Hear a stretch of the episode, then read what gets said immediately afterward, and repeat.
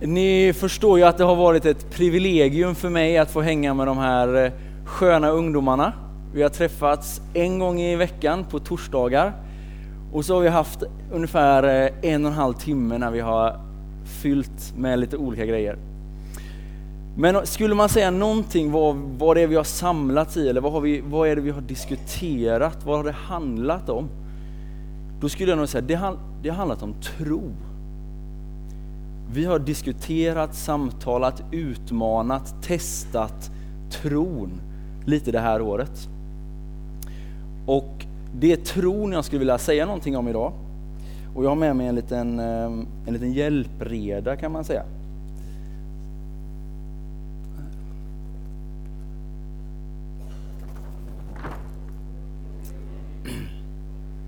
Jag kallar honom för Göran. Till vardags så hänger han eh, hos en skolsyster i Sollentuna. Men nu är han med oss idag, Göran.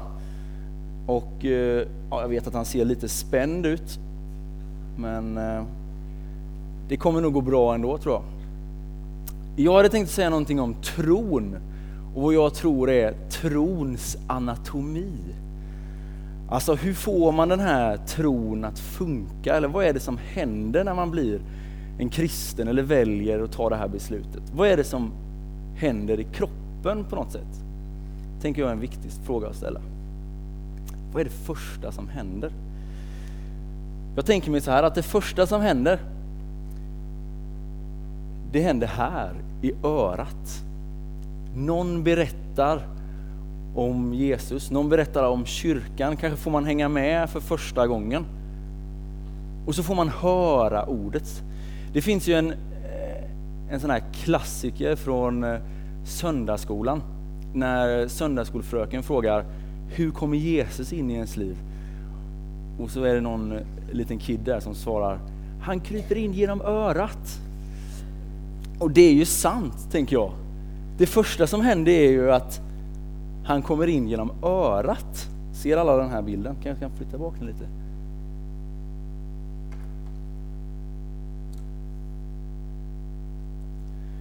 Det andra som händer, tänker jag, det är att tron hamnar någonstans här i huvudet. Alltså man börjar fundera lite, är det, är det rimligt det här? Kan verkligen Gud finnas? Är jag en slump? Är jag inte en slump? Är det trovärdigt? Är det inte trovärdigt? Och så får man de här tankarna att processa i huvudet. Sen när tron har varit i huvudet, då tror jag då måste den på något sätt komma ner i hjärtat. Man behöver få uppleva Guds kärlek tror jag. Få en upplevelse av Gud i ens, en, en alldeles eget liksom, beslut i hjärtat. Och sen steg nummer fyra i den här vandringen tänker jag är tron måste komma ut i händerna. Alltså nu har den tron gått från örat, huvudet, in i hjärtat på något sätt. Man har begrundat det, kanske tagit ett beslut att med sitt hjärta tro och med, med sin mun bekänna. Och så behöver tron komma ut i händerna. Det behöver bli praktiskt. Bli inte bara ordets hörare, bli också dess görare. Tron måste få, få praktiska konsekvenser. Och det här konfaåret har jag kommit på har innehållit lite av de här olika delarna. Alltså konfaåret började ju någonstans med att jag började snacka om att det var konfa på gång och någon kanske var, satt i något klassrum och så var jag och berättade att nu är det konfa på gång här, eller man hörde från någon kompis. Konfan startar i Sollentuna pingst. Det är ju kanske första steget på det här året som vi har haft. Sen i början av hösten, då eh, processade vi ju väldigt mycket de här, kan Gud verkligen finnas? Alltså, vi hade någon gång när vi, vi satte bibeltexterna under, under luppen och verkligen undersöka, är det rimligt det här? Kan det stämma att han gick på vatten? Kan det stämma de här skrifterna? Liksom? Där handlade det väldigt mycket om hjärnan, att man fick processa. Och det har ju undervisningen handlat om. Vi har ju haft om fattigdom till exempel. Det var ju en gång som kanske jag tycker var den starkaste lektionen när, när vi fick liksom tänka till kring fattigdom som är så stort. Men jag tänker att konfan har inte heller bara varit någonting som vi har eh, lärt oss. Det har inte handlat om att konfirmanderna bara ska få liksom, ladda in ännu mer kunskap, utan det har ju också rört någonstans hjärtat, tänker jag. Vi har haft tillfällen när vi har haft läger tillsammans, när vi har fått lovsjunga. Jag tänker ju mig att, att det har varit mer av en upplevelse än vad det kanske har varit en ren lektion. Alltså det här hjärtat tror jag har varit superviktigt det här året, att man har fått testa lite själv. Kan jag få uppleva Gud? Och sen så har det fått komma ut i händerna också. En av, de, en av mina bästa minnen från konfåret, det är när vi hade julfest i Norrtälje för flyktingarna. Då var det här gänget med och anordnade och liksom löste alla puckar innan. De ställde fram maten, städade, du vet. Och sen så ser man och märker att när några av de här 14-åringarna går fram till flyktingarna som var 19, 20, det krävs ett visst mod för det där. Och sen hade vi en dag i Sollentuna när ett litet gäng av er fick vara ute och ge, ge ut mat till tiggare på gatan. Så kom ni tillbaka och så bara, shit, här har det hänt någonting. Det har blivit prakt, väldigt praktiskt med den här tron. Och på onsdag blir det Estland. Då blir det ännu mer praktisk tro på något sätt som man får testa på. Nu får ni hålla den här bilden av trons anatomi. Örat, hjärnan, hjärtat och sen ut i händerna. Den får ni hålla lite i bakhuvudet. För nu tänkte jag att vi skulle gå in lite i den här texten som eh, Agnes läste innan. Konfirmandernas dramatisering var ju en modern tappning kan man säga av den barmhärtige samariten. Kanske en av de mest välkända berättelserna i Bibeln som Jesus ger. Väldigt, väldigt välkänd. Jag inser att den här berättelsen har väldigt många olika djup. Man kan ha mer eller mindre förståelse för, det, för dess innebörd. Men, men jag skulle vilja koppla den lite till den här kartan, till trons anatomi. När Jesus berättar den här berättelsen, då har han tre stycken huvudpersoner. Han har eh, en präst, en levit och en samarier. Sen finns det också en halvdöd jude med. Men jag tänker att de här tre personerna är ju ändå huvudpersonerna i storyn. Prästen och leviten, det är ju personer som har alla rätt. Alltså prästen har rätt utbildning, leviten kommer från rätt släkt, de har rätt social status, de har rätt religiös status. Ibland tänker vi att, att präster och leviter, det var ju ena hycklare, men det här var ju lyckade människor. På den här tiden så var det lyckade människor. Och så har vi den tredje huvudpersonen, Samarien, han har ju alla fel. Han kommer ju från fel släkt, han har fel vänskapskrets, fel etnicitet.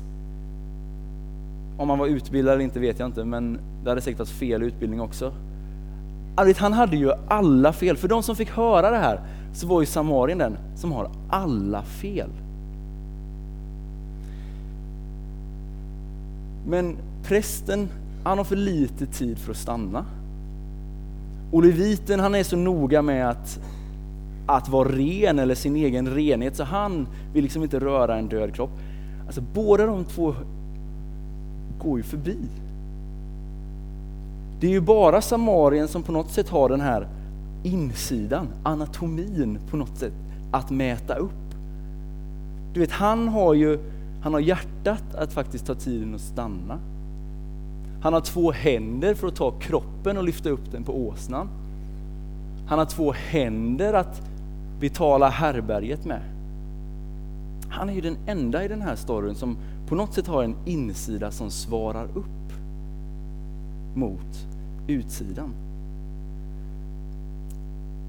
Nu när ni konfirmerar er så är min utmaning att skicka med er jobba inte allt för mycket bara på det yttre.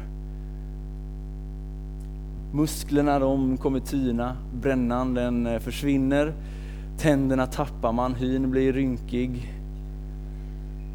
håret tappar du. Jag kommer inte på några mer.